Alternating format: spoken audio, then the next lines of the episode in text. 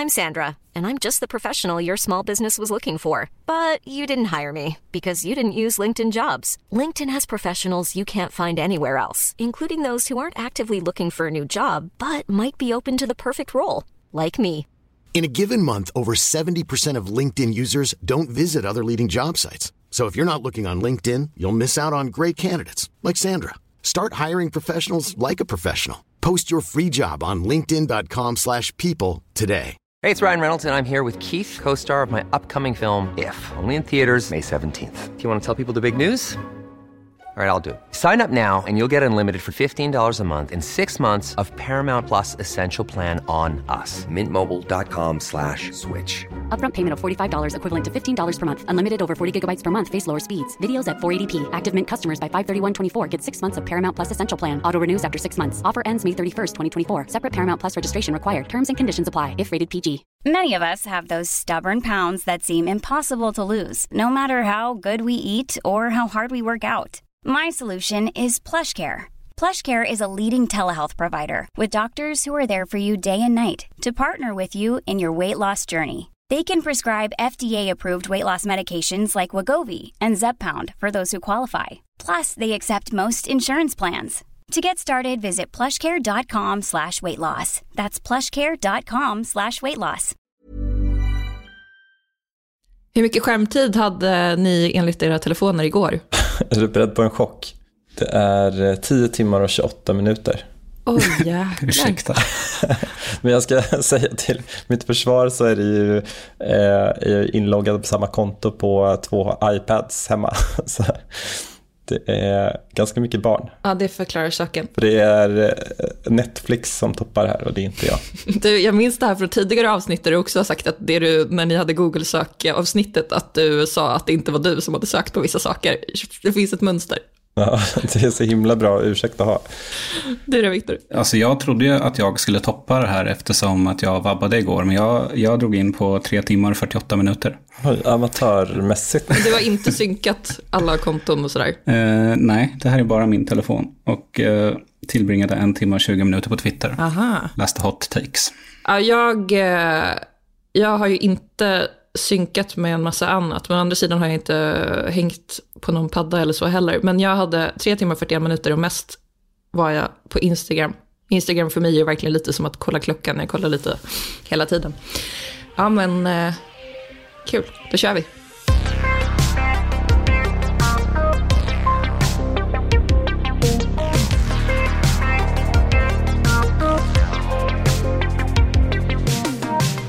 Hej och välkomna till ett nytt avsnitt av Amaras lag med mig, Annie Ominska, Simon Campanello Hej. och Viktor Krydmark. Hej.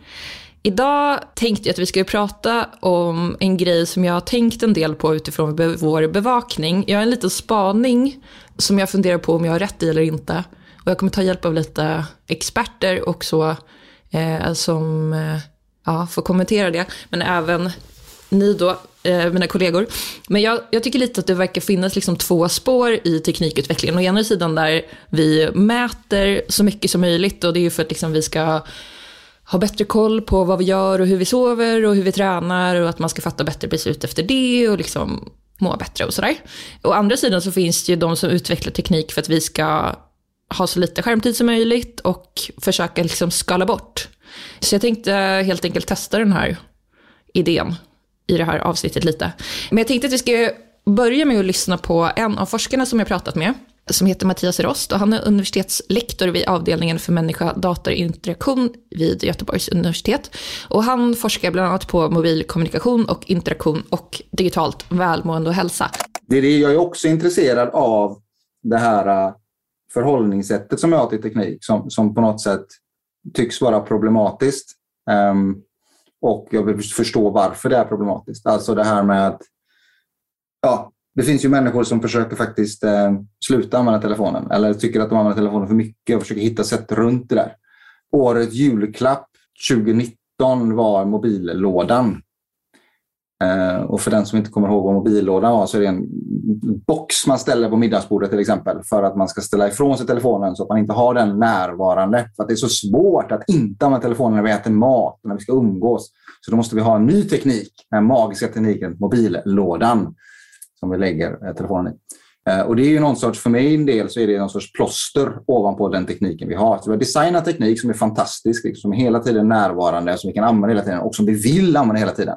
Och för att lösa det problemet att vi kanske inte faktiskt vill använda hela tiden, men vi kan inte låta bli, men då uppfinner vi ny teknik. I det här fallet kanske det låter som en väldigt liksom, primitiv teknik i en låda, men det är ändå en ny teknik som vi behöver för att hantera de här grejerna. Och jag har någon idé om att så borde det väl inte vara. Borde vi inte kunna designa tekniken så att vi inte behöver lägga på massa teknikplåster ovanpå detta? Kul med mobillådan. Klassiker. Väcker varma minnen.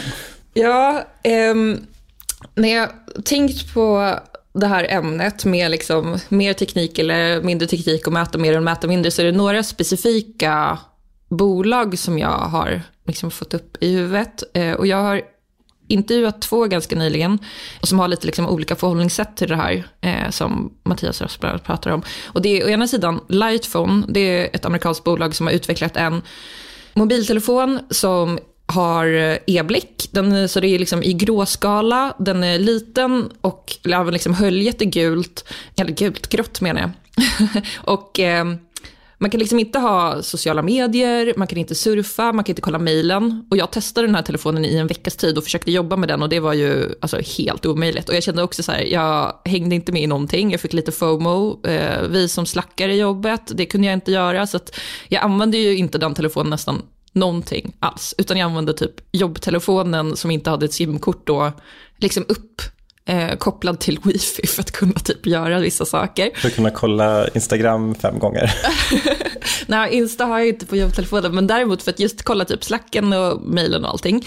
Eh, så det var, ja, det var verkligen en utmaning. Och sen å andra sidan så har jag nyligen pratat med Mojo Vision, som också är ett amerikanskt bolag. De håller på att utveckla någonting som de kallar för en smart kontaktlins och det är en AR-kontaktlins. Den finns inte på marknaden nu, men då är det helt enkelt att det är en lins som du ska ha på ögat och då kommer du ha en skärm och så får du då helt enkelt förstärkt verklighet. Så den ska kunna poppa upp liksom information om du till exempel tränar eller kör bil eller så som är relevant. Det är verkligen två företag som står i varsin ringhörna. Ja, lite så. Även om Mojo Vision kanske inte riktigt håller med om det, men jag tror utifrån ja, Ja, jag skulle väl ändå säga det. Alltså det känns ju liksom så här, antingen en skärm rakt framför ögat eller ha liksom en telefon som du knappt kan göra någonting med. Alltså den Lightphone har ju inte ens en kamera. Liksom. Men jag tänkte att vi skulle börja med att lyssna lite på vad Mojo Vision säger om vad de egentligen vill med sin teknik. Jag har pratat med deras produkt och marknadsansvarige, Steve Sinclair. Well, we're all about something we call invisible computing. This is the idea that I can have the right information at the right time uh, in front of me, eyes up, hands free, and the rest of the time, the technology disappears. We want people to look like themselves, access information when they need it, and move on and, and be engaged in the real world uh, the rest of the time. And so, for us, it's all about these small mojo moments of of uh, you know we call them three second uh, moments where you you basically can see information um, briefly to answer a question or to make a decision or to respond to a situation and then be back in the real world. We don't want you to be distracted by, by information and staring at your phone. It's ett mojo moment alltså. Jag tycker det här, eh, det ligger väldigt mycket i linje med någon så här eh, big tech-trend som har pågått ganska länge eh, med att typ eh, koppla upp tiden som vi inte sitter vid en skärm. Alltså, om man tänker, kanske började någonstans med Amazon Alexa där vi liksom skulle eh, koppla upp eh, och andra röstassistenter då, där vi liksom skulle bli uppkopplade genom att prata med tekniken. Och nu pratar man väldigt mycket om det i den här visionen om ett metaverse också. Liksom, att det, det är inte bara virtuell verklighet utan det ska också vara så att man typ har på sig ett par smarta glasögon och så är, eh, kan man interagera med olika grejer i, i sin omgivning. Det, här, det känns ju som en naturlig fortsättning på det att man verkligen tar bort prylen men är uppkopplad jämt. Jag funderar på var, varför måste man, eh, exakt vad för typ av information är man måste ha vid ett visst tillfälle? Gav han något exempel på det? Alltså det han nämnde var, alltså de första som de ser framför sig skulle använda eh, de här smarta linserna som var atleter. För då skulle det vara, liksom, vare sig man tränar eller tävlar så skulle man kunna få liksom, relevant information kring det. Alltså så här biometrisk information och så. Så det var ett exempel. Sen sa han också till exempel om man sitter i en bil, eh, de jobbar ju på att de vill att de här linserna ska vara ja, betydligt smartare än, än liksom dagens eh, typ smarta klockor eller mobiltelefoner. Så de ska, linserna ska liksom förstå kontexten mycket bättre. Så sitter du i en bil ska de förstå om du är förare eller passagerare och kunna anpassa informationen efter det. Så jag kan ju tänka mig som förare så skulle du kanske få liksom, ja, men, väganvisningar eller någonting sånt. Eh, men sen så också säga att det finns något viktigt som det här systemet vill säga till dig, men när den har uppfattat att du är liksom i ett samtal med någon så kommer den ju inte pocka på din uppmärksamhet. Men sen så fort den upplever att du har tid och så, så kommer den liksom hojta till med det som den vill säga. Okay. Men kan det inte också, jag tänkte så här, liksom, den borde ju kunna fylla samma funktion som typ en eh, smart klocka också lite grann. Så här, att om jag är ute och går så, så får jag ett sms så ser jag det projicerat eller, eller eh, ett mejl eller någon skriver på Slack så kan jag få den notisen i ögat istället för på en skärm. Kan, kan, kan det användas så också eller är det bara mer, mer avancerade funktioner de tänker? Nej men jag tror säkert det är så, men samtidigt just som man säger att man inte ska bli distraherad och att man ska vara liksom i verkliga världen som man säger, så gissar jag att det kanske inte skulle vara så att notifikationerna ploppar upp hela tiden, men det kan man ju även anpassa idag liksom, med smarta klockor och så. Men det, var, det sa han ju flera gånger, just det där med att man inte tittar ner i en skärm, utan att man är ute i verkligheten. Liksom. Det var på något sätt eh, försäljningsargumentet för den här tekniken. Sen vet inte jag hur pass mycket mindre distraherad blir man av att få den informationen framför ögat. Ja, det är precis det som är frågan. Det känns som att mycket, i och med att det, det är så tidigt i teknik, den här teknikutvecklingen, så känns det som att det är mycket lite sköna gissningar om, om hur väl det funkar. Det känns som att man kanske, i alla fall i de första exemplaret, att man typ måste leta upp en bra bakgrund att rikta sin blick mot för att få, kunna ta till sig av informationen. För att annars kanske den här texten flyter in i den här, inte vet jag, eh, skogsdungen som det står att titta på. Roligt att det är det du tänker på. Jag har inte alls frågat mig. Men det, det de har visat hittills, eh, för man har liksom kunnat testa Alltså den senaste prototypen har liksom alla komponenter den ska ha, så den har liksom display och batteri och, och sådär. Eh, men man kan ju inte stoppa den på ögat. Men då i alla fall, så det, de bilderna som de har släppt, då är det ju liksom, ni vet den där sköna gröna färgen som typ datorerna hade på 80-talet. Det är typ den färgen det är på saker som det så här projiceras. Så jag gissar att det kanske ändå tränger igenom även, klarar sig även liksom i skogsdungen, att det är den där eh, typ, eh, vad heter det, green screen-färgen nästan. Mm.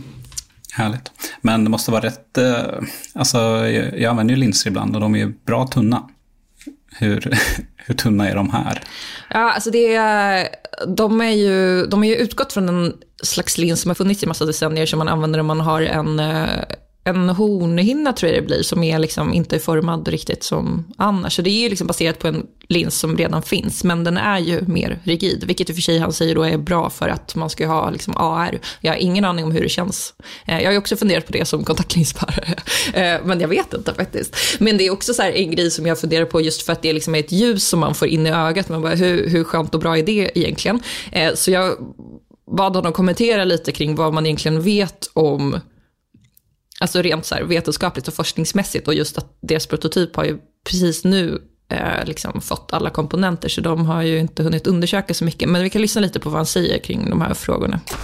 I do think that there's still a lot to learn about it and, and so I don't want to, to make it sound like we have all the answers from, from, from that standpoint. That's, that's why this prototype again is, is important for, for our company is that we can begin wearing the lens and understanding and studying some of those effects that you're that you're talking about. Um, but um, we already know a lot from the way people use smartwatches and smartphones today about what what you know the effects of distraction are, and you know the effects of you know constant notifications that people are getting. We're already getting those interruptions. We're already getting that information it's just a question of are we looking down to go to to, to, to see it um, and so we can we can extrapolate from the way people are using their their wearables and their their mobile phones today about what those effects are likely to be but you're, you're right there's there's more to learn De verkar fokusera väldigt mycket på notiser. Är det ett stort problem hos folk? Ja, jag, jag undrar höll jag på att säga också. Alltså, just eftersom det ändå finns möjligheten att liksom stänga av och sådär. Um, Ja, rent anekdotiskt kan jag ju känna att jag tycker att många som jag vet om i min omgivning som har liksom mer så smarta klockor tycker jag kanske kollar eh, ganska mycket ner i dem liksom så fort någonting händer. Men eh, jag vet inte. Vad tror ni? Ja, alltså jag eh, känner väl inte att jag störs av notiser och tror inte att det skulle hjälpa mig att få dem liksom framför ögat heller. Så jag kanske inte riktigt är målgruppen här, men jag håller med om det du säger med smarta klockor, att det känns som att de som har smarta klockor, de kollar på typ alla notiser de får. Man typ taggar ner. Men om vi tar då eh, det andra bolaget som jag nämnde, eh, Lightphone, som ju lite känns som eh, på något sätt motsatsen till Mojovision. Jag intervjuade en av grundarna, Joe Hollier, som dessutom, han har ju en så bakgrund inom konst och design. Skälet till att han och hans medgrundare kom på att de skulle bygga Lightphone var att de ingick ett program på Google och som han säger då, då förstod han hur de här teknikjättarna liksom jobbar för att se till att folk ska sitta liksom i de här olika apparna så länge som möjligt. Och att det var liksom som han sa, att det blir så här sticky och att det är det som liksom är målet. Så att ja, han tyckte helt enkelt att det som stack ut var hur mycket de brydde sig om, hur många timmar per dag användarna liksom satt med de här olika produkterna och då blev Lightphone en slags revolt, som man kallar det. Eh, och att de ser det som ett sätt att också, alltså att vi ska ta den tid vi har på mycket större allvar. Och han själv använde Lightphone som primär enhet, för det var något jag frågade om, eftersom jag tyckte det var så himla svårt att använda den liksom, ens bara som jobbtelefon.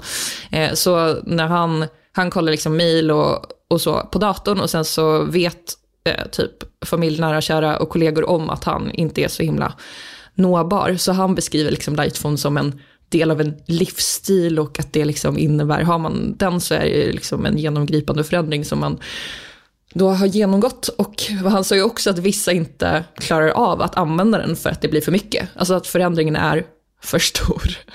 Men det är ju lite sympatisk tanken då att eh, inte ständigt vara nåbar, även om eh, jag känner ju snarare att det låter jobbigt än, än härligt. Men, men man glider så himla lätt in på mejlappen eller Slack-appen på mobilen även om man inte jobbar. Och eh, att kunna komma undan det på ett bra sätt är väl, eh, i teorin låter det härligt. Men lite har jag tänkt också när jag testade den och sådär, att det känns ju lite som en Alltså det är lite liksom lyx också att kunna välja bort. Alltså, jag tänker i vårt jobb skulle det vara omöjligt om vi sa så här, jag kollar mejlen eller slacksar en gång per dag. Det skulle ju aldrig gå. Och sen är det många som har, jag vet inte, gigjobb eller sådana grejer. Alltså det skulle ju aldrig gå. Så det är också så här en, en att ha liksom förmånen att kunna välja bort. Så jag håller med dig Simon, det är, det är, i grunden låter det fint, men sen så när man tänker rent så praktiskt så, hur många kan egentligen göra så här? Men vi kan lyssna lite på vad Joe uh, säger om Lightphone. And there's been studies like that Sherry Turkle referenced in one of her books where like just the presence of the smartphone because it's a kind of hardwired to all these things behind the screen just seeing the phone can actually distract us even if it doesn't ping but i think you know we've asked users and done tests where we have people delete social media from their smartphone and for like 3 days they have very low screen time but then they find something new. And maybe it's more healthy perhaps but they're like on wikipedia or shopping or you know they kind of find something else. And i think it's that we just it, we we use it so habitually as a kind of nervous crutch you know oh i'm bored for this second let me pull this out and you know react to something. And it's you know so shiny and colorful. And i, I think uh, using the light phone it, it, really breaks all those kind of habits. But I mean, there's probably a, a lot of people that such changes of just, you know, decluttering their smartphone might be enough. And that's awesome. So it, that would be great if that was enough. But I think for a lot of people, getting a completely different device is like the step they needed. Um, and we've seen people use the light phone for eight months and kind of go back to a smartphone and they're like, I feel changed I use the smartphone differently. Ja, men jag tycker han har ju en poäng i att eh, en smartphone eh, den, den, är ju gjord för att fånga vår uppmärksamhet. Den är gjord för att användas mycket. Eh, hela, hela grundkonceptet, ända sedan Apple introducerade App Store egentligen och man kunde fylla den med precis vad som helst. Så även om man nu gör någon egen liten detox och raderar sina sociala medieappar eller vad det kan vara så finns det ju oändligt med andra saker att fylla tomrummet med. Vet du vad? Jag eh, tog bort Facebook-appen för ett tag sedan. Men det har ju bara lett till att jag hänger mer på LinkedIn. så att jag vet inte om jag, om jag har vunnit något här. Jag tänkte säga, hur mår du nu då? det är kul att se alltså. Vad folk håller på. Bra för karriären, dåligt för din detox. Mm. Ja, och du kanske inte blir lika rolig tänker jag heller. Jag vet inte, LinkedIn innehåller så mycket också så här, ah, det är så mycket så här motivationssnack som jag vet inte. Ja, men det, det är lite kul att liksom, vad ska man säga, hate-watcha lite. typ. Det är så det börjar, men snart kommer du sitta där och vara mellanchef. Det är så det, är så det slutar. Precis, mellanchef och skriva jättelånga inlägg om hur jag får alla att göra som jag vill. Ja. Det är målet. Men jag, eftersom jag har liksom jobb, eh, jobbmobil och sen privatmobil, jag har ju också kört lite sådana grejer, typ att jag har ju inte, Facebook har jag liksom bara på jobbtelefonen, men sen så blir det ju ändå så att jag kollar den, eftersom jag måste ju kolla jobbtelefonen. Och sen, ja, Twitter också på jobbtelefonen. Så på vissa sätt försöker jag väl lura mig själv, men det går halvbra.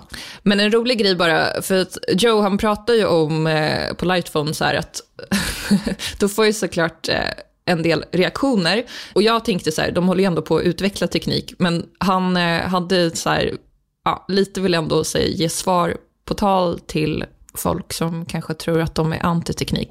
Something we try to remember or remind people is that uh, we're not in anti-technology. You know, it's not like we're saying, let's just go back to the pre-internet days and everything will be amazing. Um, I think it's really something where we're just saying like hey we have the internet in our pockets 24 7 and sometimes that's making us less happy than more happy and by using something like the light phone or whatever other future products we might roll out we're just trying to encourage just more conscious use um, rather than necessarily saying like all technology moving forward is bad I think a lot of people try to uh, pin us as that. Eh, det jag tänker med Lightphone och med liknande produkter det är ju att det, det är ganska mycket så här en signal också om att man är medveten. Jag tänker så här, det, för några år sedan var det väldigt populärt med när Nokia kom tillbaka som mobilmärke och började göra sådana här feature phones, alltså en gammal 3310 fast i modern tappning. Jag har aldrig sett så många sådana någonstans som när jag varit på olika såna här startup-events i Stockholm. på, det, det, det, det är liksom eh, personer som jobbar i techbranschen har det som hela sin profil, att de är med och medvetna och då kör en sån gammal Nokia-mobil för att signalera att ah, men jag, jag, har, jag har lite distans till det här. Om eh, ni kommer ihåg tv-serien eh, Silicon Valley. Eh, han som var chef för ett företag som jag inte kommer ihåg vad det heter, han heter Gavin Belson, han hade garanterat haft en Lightphone. Truly. Men eh, alltså det här med att de inte är antiteknik. Då undrar jag varför de inte har liksom lagt in mer bra funktioner som inte behöver vara liksom störande. Men som du, som du skrev i ditt test här Anja, att det finns väldigt mycket bra grejer du inte kan göra. Du kan inte swisha, du kan inte, kan du ens kolla liksom ditt bankkonto. De har en kartfunktion men den är värdelös. Um, så att det känns ändå lite antiteknik på något sätt. Alltså det här är ju så nära en hemtelefon man kommer typ. Ja, alltså han pratade lite om att de vill, alltså de kan absolut tänka sig att bygga in fler funktioner. Den första Lightphone som de, de släppte, då kunde man om jag minns rätt, alltså man kunde i princip typ bara ringa och jag vet inte ens om man kunde skicka sms. Så nu har de ju ändå liksom byggt in, eh, ja men typ dels kartor och han pratade ju om att det kan bli så att det kommer typ miniräknare. Det är väl hett. Nej men eh, lite sådana. Men just så här, det känns ju väldigt mycket som att de, eh, de är ju lite så här, vad ska man säga, kanske mer filosofiska eller idealistiska. Alltså det är ju ändå så här att de vill hålla kvar vid det här med att ändå, att vara liksom mer i nuet och så här, inte bli distraherad. Så de säger ju att det kommer inte någonsin bli så att man kommer kunna kolla mejlen eller att det kommer finnas sociala medier. Kamera sa han kanske, men vi kan liksom inte konkurrera med den typen av, alltså den höga kvaliteten på kameror som man får i en mobiltelefon idag. Det kan, kommer de liksom inte kunna liksom lösa. Eh, och resonera lite kring att ah, skulle de ha en kamera så kanske de ändå skulle göra så att man inte typ kan kolla direkt. Så här. Men eh, så att de har ju, alltså det är ju svårt att balansera den där grundidén som de har och samtidigt försöka ge användarna mer funktionalitet. Eh, så att, ja, jag vet inte riktigt hur, var de kommer att landa, men som man säger nu så eh, är det ju, ja, eh, inte ens liksom kolla mejlen, vilket man kan tänka sig för vissa ändå skulle underlätta, men det, det säger de ju nej till. Men jag har deras killer-app om de ska bli stora i Sverige det är att de ska bygga in stöd för text-tv. För att jag tänker att det är exakt samma personer som älskar att kolla sportresultat i text-tv som också skulle älska att göra det på en lightphone. 100 procent. Ja, 100 procent.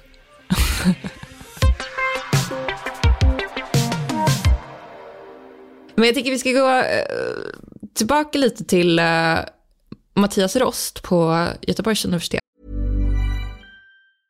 I'm Sandra, and I'm just the professional your small business was looking for. But you didn't hire me because you didn't use LinkedIn jobs. LinkedIn has professionals you can't find anywhere else, including those who aren't actively looking for a new job but might be open to the perfect role, like me. In a given month, over 70% of LinkedIn users don't visit other leading job sites. So if you're not looking on LinkedIn, you'll miss out on great candidates like Sandra. Start hiring professionals like a professional. Post your free job on linkedin.com/people today. There's never been a faster or easier way to start your weight loss journey than with PlushCare.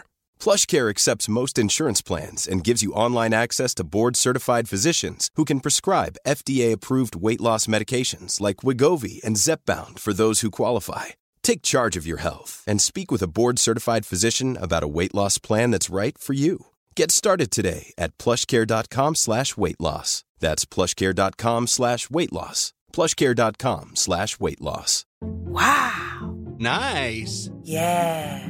What you're hearing are the sounds of people everywhere putting on Bombas socks, underwear, and t-shirts made from absurdly soft materials that feel like plush clouds. Yeah, that plush. And the best part? For every item you purchase, Bombas donates another to someone facing homelessness. Bombas. Big comfort for everyone. Go to bombas.com slash ACAST and use code ACAST for 20% off your first purchase. That's bombas.com slash ACAST. Code ACAST. Hey, it's Ryan Reynolds, and I'm here with Keith, co star of my upcoming film, If, only in theaters, May 17th. Do you want to tell people the big news?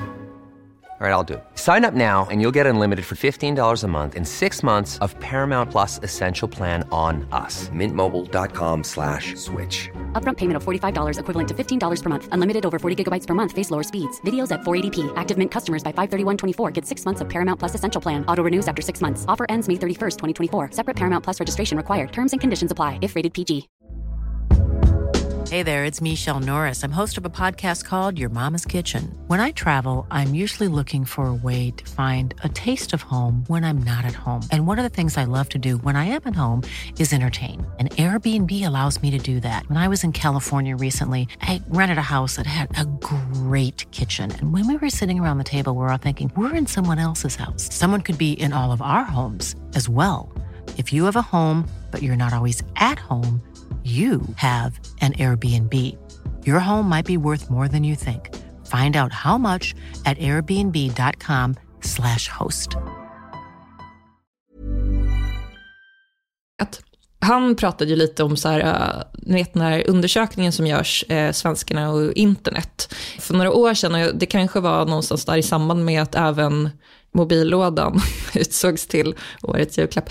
Men han refererade till en undersökning att det var alltså, över 80 procent av svenskarna i den enkäten hade eh, uppgett att de kände att de använde skärmar för mycket. Och han började liksom resonera lite kring så här, um, alltså dels vad menar man egentligen med skärmtid? Alltså får man frågar personer runt den så menar de inte alltid liksom alla typer av skärmar, utan det på något sätt kan vara kopplat till vad som är en uppfattning om vad som är bra och dålig liksom skärmtid. Så han resonerar kring att det här bygger liksom väldigt mycket på värderingar.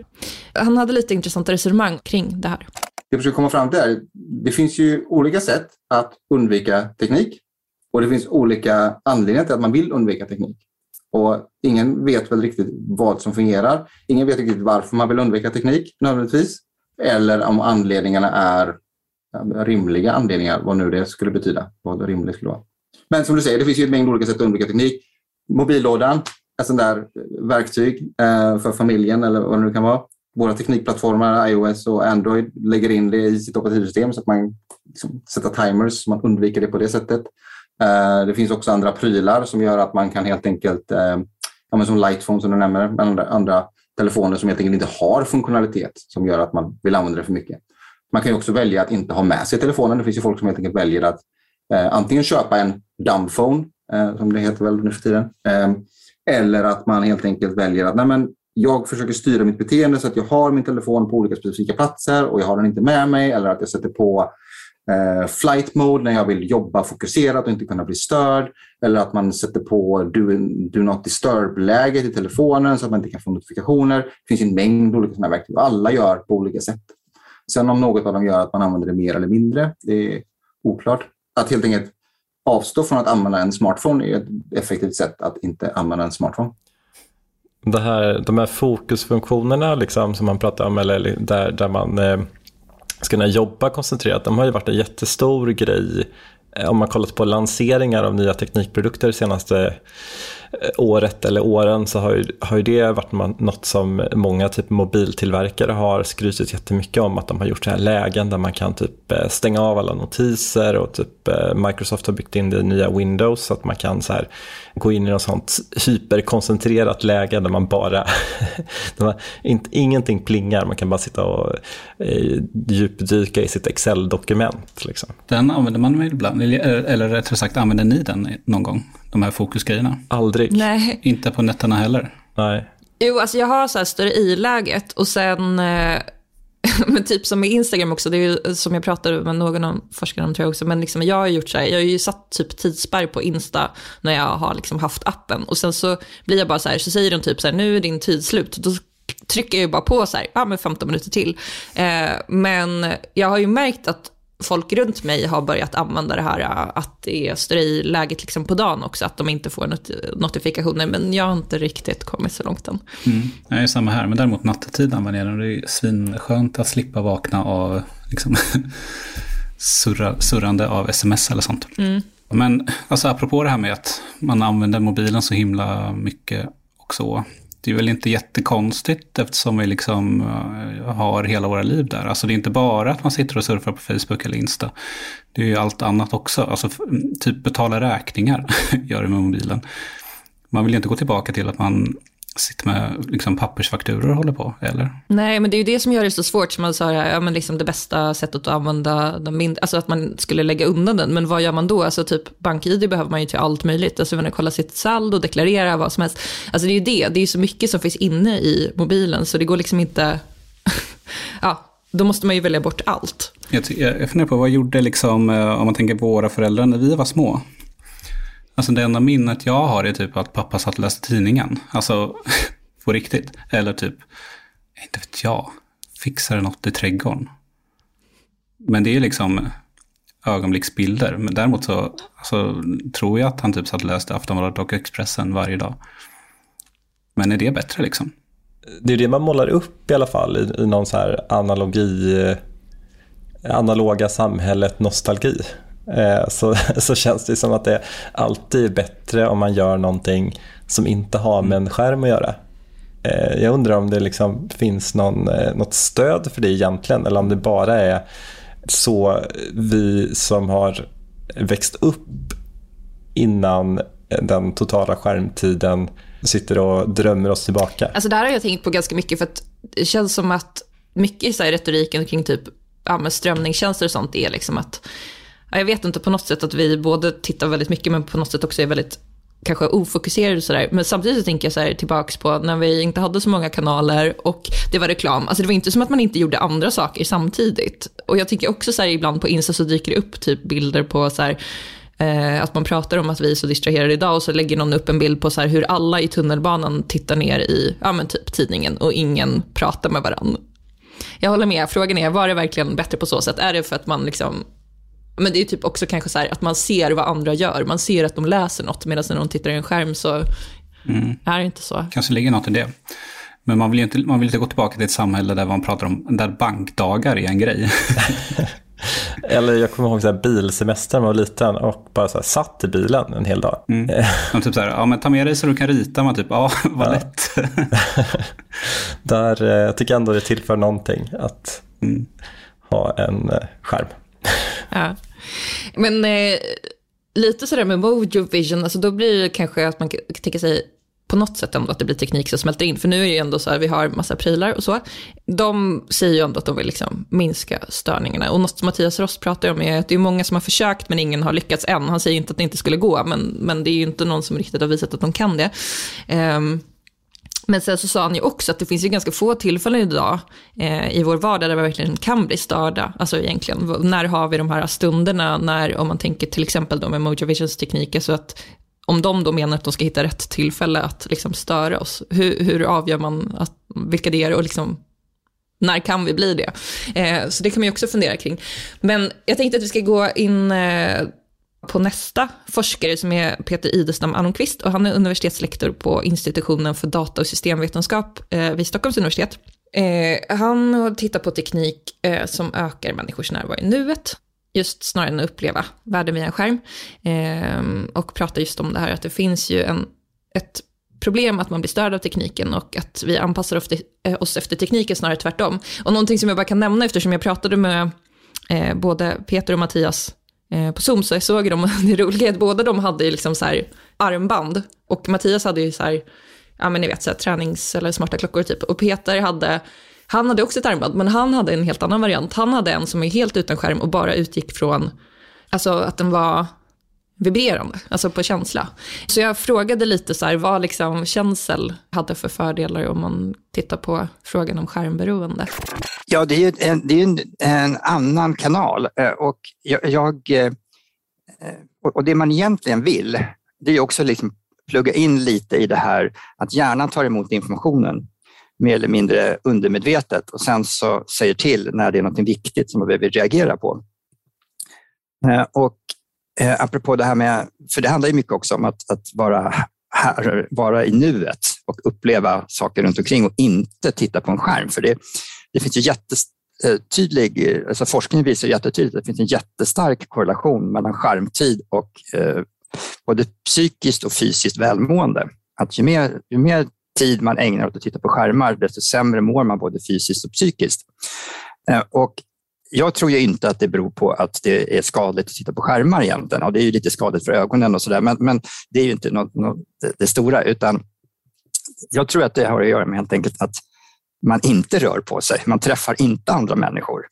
Eh, och, och, och eh, det finns ju mycket som visar att det är faktiskt i den mänskliga kontakten, när man faktiskt träffas i verkliga livet, att vi har behov av det för att må bra. Eh, att en skärm kan inte ersätta liksom det fysiska mötet.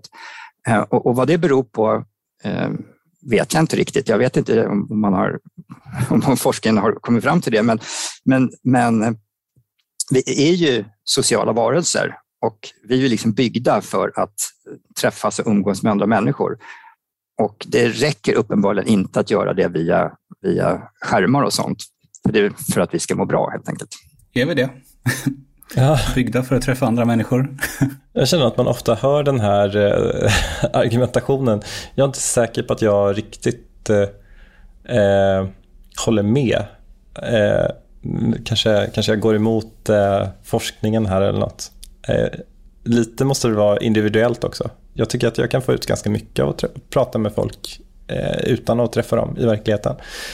Sen vill jag inte isolera mig på en öde ö och bara ha Teams-möten hela dagen. Liksom. Men eh, jag, jag, tror, jag tycker ändå man kan få ett ganska bra socialt utbyte av olika typer av möten online. Jag är nu lite inne på ditt spår. Jag skulle inte heller vilja vara på en ö och ha en massa Teams-möten. Men eh, ja, jag uppskattar verkligen att, att ses, eh, liksom, vad ska man säga, eh, away from keyboard. Men det är mycket som funkar. Och sen kanske det har lite att göra med, jag vet inte om du håller med Simon, men jag tänker vi är ju ändå skrivande personer. Det kanske också har någonting med saken att göra, potentiellt. Precis, vi som är, kan, kan inte uttala oss eh, eh sammanhängande i tal. Men skulle kunna, kunna ha våra snitsiga formuleringar kvar. Under pandemin hade vi ju ett julkul digitalt. Just det. Det kunde ju inte riktigt ersätta att träffas, att ha kul. Nej, det måste jag säga att den digitala julfesten var nog min, jag ska inte säga min sämsta julfest, men äh, det var inte allt man vill ha. Nej, det var liksom svårt att vi skulle ju bygga pepparkakshus och det var svårt att så här, fokusera både på att bygga och vara social och så här, ha, alltså på något sätt interagera med varandra. Det blev ju väldigt mycket så här, fokus på ens eget.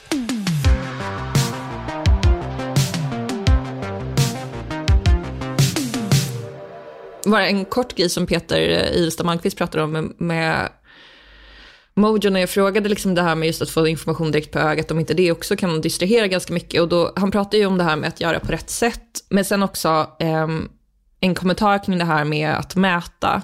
Han sa ju så här, för, jag, för det har jag tänkt mycket på också, för att jag gjorde ett jobb om sömnteknik eh, tillsammans med vår kollega Peter för ett tag sedan. Eh, för nu för tiden kan man ju mäta en sömn på hur många olika sätt som helst och madrasser och allt vad det är. Och just att jag märkte så att jag tillhör den typen som om, om jag mäter jättemycket så blir jag stressad. Och det pratade jag lite med forskare om som också sa att ja men så kan det ju vara för vissa. Eh, Medan andra kan ju vara ganska glada över att hålla koll på allt och veta allt. Men eh, Peter Idestam Almqvist pratade om att han i alla fall, han skulle vara liksom nöjd med att få info bara liksom så här, om att han har sovit bra eller om det är dags att gå till doktorn. Att man inte behöver veta alla detaljer hela tiden. Eh, och då kom man in lite på det här med hur tekniken funkar och hur hjärnan funkar. Vi får ju jättemycket information till oss hela tiden. Eh, och vår hjärna är ju så smart så att den kan filtrera ut. Väldigt mycket av den information vi får kommer ju inte till vårt medvetande utan hjärnan filtrerar och sen så det som, som hjärnan tror är viktigt kommer upp till vårt medvetande. Eh, och det måste bli lite samma sak med tekniken, menar jag. För att, för att man inte ska känna sån här information overload så måste informationen sållas och på något sätt att den information som är viktig, det är den informationen man får. För annars så drunknar den viktiga informationen i allt oväsentligt. Eh, och, och där tror jag att eh, det finns väldigt, väldigt mycket att göra. För att jag tror att många som känner sig stressade av den här tekniken är just att man, man får så mycket information, även den information som man kanske inte just vill ha just nu med alla notifikationer som poppar upp hela tiden och eh, så många saker som påkallar ens uppmärksamhet. Eh, och det är ju störande, helt klart. Eh, men om man får rätt information för rätt tillfälle på rätt sätt, då, då vill ju alla ha den informationen. Så jag tror att, att säga att man inte vill ha information och inte använda ny teknik, det tror jag egentligen är fel. Eh, jag tänker lite på den här eh, Lightphone som, som är det här eh, att man ska vara en enkel skärm som inte ska... Eh, de lägger på också mer och mer teknik. Liksom att, ja, vi har ett alarm, vi har en kalkylator, vi har en karta, vi har en musikspelare, vi har en podcast-tool, vi har en hotspot eh, och så vidare. Så att, uppenbarligen vill ju folk ha tekniken. Och jag tror inte att det är riktigt grejen med Lightphone. Jag tror att det är deras eh, styrka tror jag just att eh, de har kontroll på liksom, eh, informationen på privacy, att det inte är massa dolda appar som gör massa hemliga och skumma saker. Där tror jag en produkt som Lightphone har mycket, har stora fördelar. Något jag bara kan notera lite snabbt är att Lightphone själva när jag intervjuade dem pratade ingenting om den här sista aspekten. Det är lite sidospår men ändå intressant att ta upp just att, att eh, Peter Idisson Malmqvist pratar just om att Lightphones styrka är liksom personlig integritet. Men det var ingenting Lightphone själva pratade om när jag pratade med dem. Nej, men det är ju, det är ju naturligt på något sätt om man, om man har eh, utan massa appar och utan massa liksom, tredjepartsföretag som man loggar in och använder tjänster hos så, såklart så blir man ju inte lika kartlagd. Så det blir kanske en bonus då när man kopplar ner sig. Precis. Eh, jag frågade, apropå som jag börjar med, med min tes om det här med de här parallella spåren där vi å ena sidan mäter mer och har jättekoll på allt vi gör och, och hur vi tränar och sover och allt vad det är. Å andra sidan de som försöker se till att vi är, hänger med våra mobiler, smarta klockor och allt vad det är så lite som möjligt. Så Mattias Rost, han eh, kommenterade lite min, min teori om det här. Nej, jag, jag tycker det är väldigt intressant eh, span som du har det här att det finns liksom å ena sidan en teknik spår som handlar om att mäta mer, ta reda på mer information och så vidare. Och så vidare. Och samtidigt så har vi den här att vänta nu, använder vi inte teknik för mycket? Jag tycker inte jag kan hantera min telefon, jag tycker inte jag kan hantera tekniken. Jag tycker inte det. Så vad gör jag då? Då väljer jag extrema fall, till exempel. Ja, men jag väljer att använda en, en dumbphone eller liksom sådär. För då kan jag inte använda funktionerna. Uh, eh, och, och, för vissa så blir det naturligtvis, det går ju inte det för att man har ett, ett liv där man liksom behöver vissa av de delarna. Uh, Medan för vissa så fungerar det jättebra. Liksom. Uh, så det finns ju hela tiden ett spektra här mellan, mellan dels vad man nu ville göra avkall på, för det blir ett avkall naturligtvis. Själv så har jag aldrig ljud på telefonen. Jag har inga notifieringar på telefonen. Jag har inget sånt. Jag förstår inte hur man kan ha det. Jag blir för stressad. Då, vet man, då får jag absolut ingenting gjort. Liksom. Eh, och så finns det de som har det och inte upplever det som ett problem alls. Varför upplever jag det som ett problem? Är det bara för att jag inte har mig själv att det är ett problem? Kanske. Varför fungerar det för andra? Eller fungerar lite för andra men de har bara inte förstått det än? Är jag mer upplyst som, som inte har notifikation på telefonen än de andra? Ja, jag vet inte. Ehm, men jag tror, att, jag tror inte liksom att vi kommer hitta, som sagt det här med det finns inget one size eh, fits all när det kommer till teknik eller våra liv, hur vi lever, vilka behov vi har. Alla lever ju liksom ett, ett, ett, eh, sitt liv eh, och det, alla liv ser väldigt, väldigt olika ut. Och därför behöver nog tekniken också se väldigt olika ut för alla personer. Den behöver anpassas för alla. Och inte bara liksom alla som är som, som du och jag, som kanske har liksom ett teknikintensivt jobb och som kan teknik och sådär. Utan även människor som liksom kanske inte har, har synen som den ska, eller hörsel, eller eh, inte alls har de här fingerspetsarna som vi just nu interagerar väldigt mycket med teknik med. Eh, de behöver också kunna liksom använda de här tjänsterna som finns runt omkring oss, till exempel, som är viktiga. För vi, har, vi bygger ett liv där vi faktiskt kräver eh, en typ av teknikanvändning. Eh, vi kan inte göra bankärenden, vi kan inte, göra, vi kan inte knappt liksom deklarera. Nej, men det, man fastnar väl, man kommer väl i slutändan till det att som samhället är utformat idag så är det väldigt svårt att tänka sig att vara helt eh, nedkopplad. Det måste ju vara... Eh, det, det finns ju... Man måste hitta någon...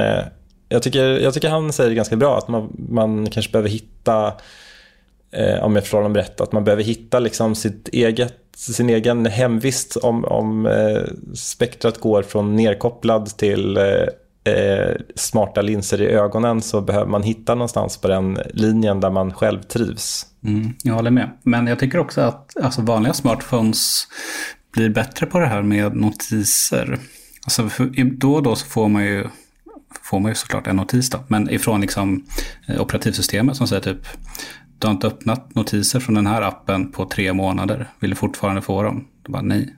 Så på något sätt så blir det ju någon sorts ett smartare notisflöde över tid om man bara anstränger sig lite. Om man för några år sedan var ganska glad i att eh, bara eh, tanklöst köra in eh, allt man hittar på telefonen och låta det bomba en med information så har det väl också, folk har blivit medvetna om problemet och märker själva att man blir distraherad och att det, det liksom kan vara lite störigt. Så det handlar väl om någon slags teknikmognad också. Jag tänker, ibland så, fast, ibland så känns det som att vi sitter här och typ eh, eh, smartphones är någon slags naturkraft som vi har burit med oss hur länge som helst. Men det är ju, eh, det är ju vad är det, 15 år som vi har haft smartphones, 10 år sedan alla började skaffa smartphones. Det är ju ganska kort tid egentligen. Så det har ju krävts att vi har liksom fattat hur vi ska använda dem och hur vi inte ska använda dem. Jag, jag tycker inte det är så konstigt egentligen att man så efter ett tag när, när man har haft en ny eh, eh, en ny teknisk plattform, att man börjar så här landa i ett bra sätt att använda det och att det tar lite tid att komma fram till det. Att det, det var inte självklart från början att när man kom på notisen så var det kanske svårt att tänka sig att så här, eh, ja, men en dag så kommer någon sitta och få 800 notiser i sin mobil och det är lite jobbigt.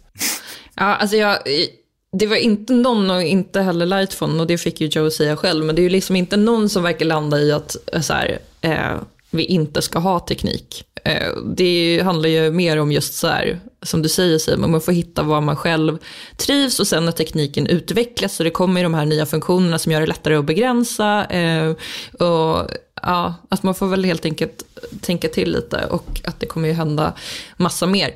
Men det är ju ändå så att nu liksom de här smarta eh, klockorna och telefonerna utgår ju väldigt mycket från ljud och syn.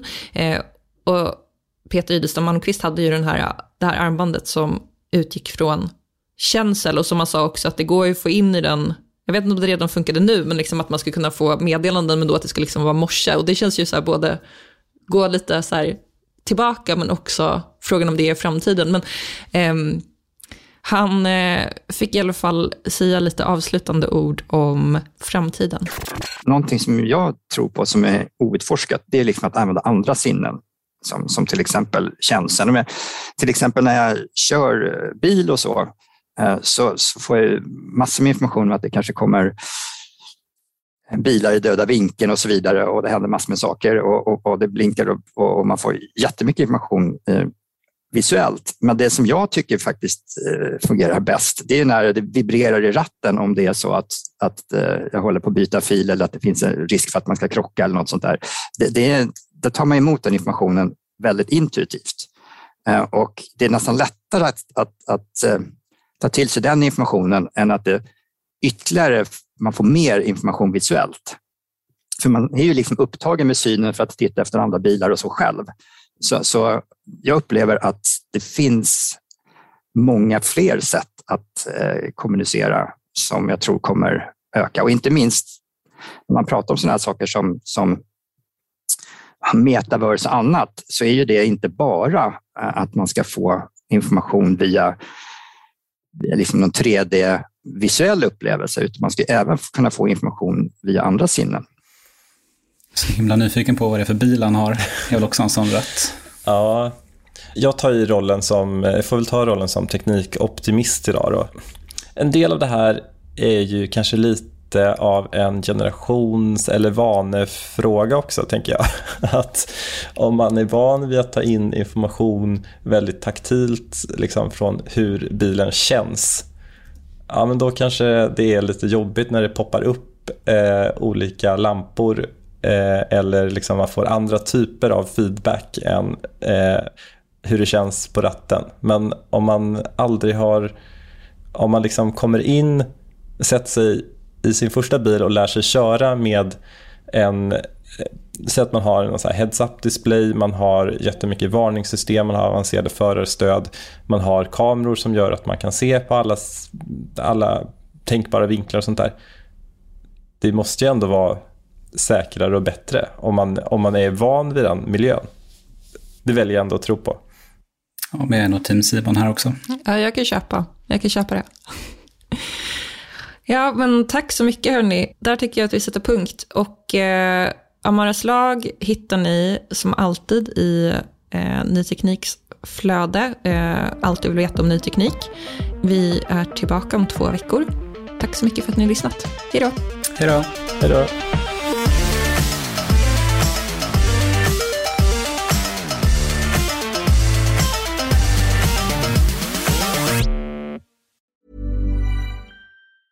Hey, it's Paige DeSorbo from Giggly Squad. High quality fashion without the price tag. Say hello to Quince.